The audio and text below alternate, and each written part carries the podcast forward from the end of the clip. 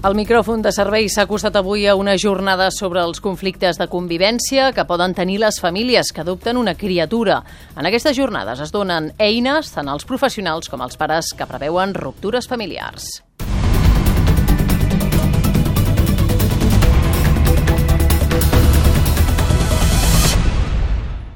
Unitat mòbil al Palau Robert de Barcelona, Santi Soler i Cesc Armengol, bon dia. Hola, bon dia. Doncs efectivament, totes les famílies adoptives o acollidores estan preparades per afrontar o resoldre problemes de convivència amb els seus fills.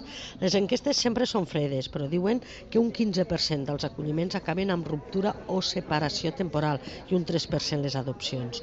Un índex que sobrepassarà el 5% quan el gran volum de nens que es van adoptar entre els anys 2004 i 2007 arribin o ja estan arribant a l'adolescència. Aquestes criatures que generen problemes d'encaix tenen a més més dels conflictes propis de la pubertat, els afegits a la majoria de les vegades per uns orígens desconeguts. Les claus per solucionar o, si més no, afrontar el daltabaix de la convivència familiar ens les ha donat el psicòleg i terapeuta familiar Alberto Rodríguez.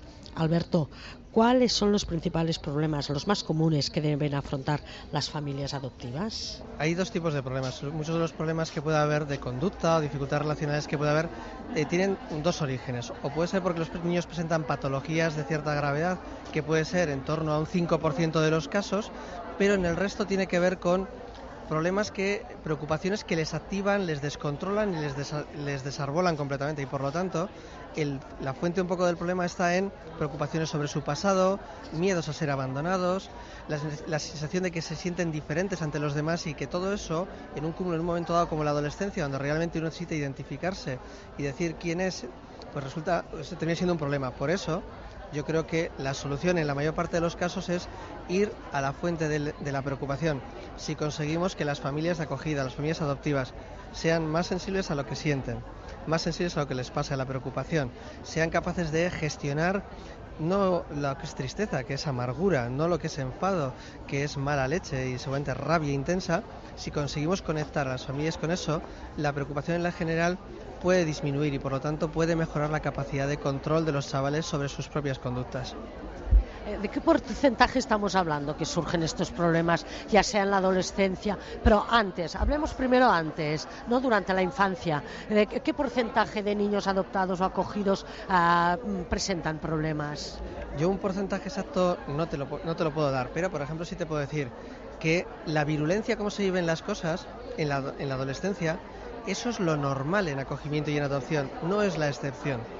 Otra cosa es que uno lo entienda como, una, una, como, un, un fracaso, como un problema. No, no, es que poder abordar un poco tu vida sin tener información de tu pasado, sin saber realmente eh, una pérdida de una adopción de un padre biológico, si el padre biológico se hubiera muerto es más fácil vivirlo que si de alguna manera sigue viviendo en China pero uno no sabe si está bien o está mal o si se acuerda de ti o no. Entonces, las pérdidas de los niños adoptados son más difíciles de elaborar porque no es una pérdida definitiva y eso hace que las adolescencias sean más virulentas. Por lo tanto, no es que podamos entender que una adopción va mal cuando hay estos problemas, no. Es lo que tiene que haber para poder superarlos y luego ir las cosas mejor. Pero no es que ni, ni, incapacidad de las familias ni un proceso de valoración inadecuado, lo que es es que gestionar el descontrol, el miedo y todo lo que un chaval ha vivido en el momento más difícil de su vida como la adolescencia tiene estas cosas.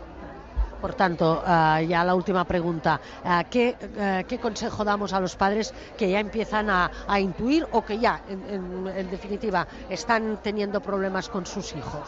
Primero, que no los atribuyan directamente a incapacidad propia. Los problemas no son por incapacidad de ellos, los problemas son porque realmente los chavales tienen que elaborar parte de su vida y esto está asociado a ello.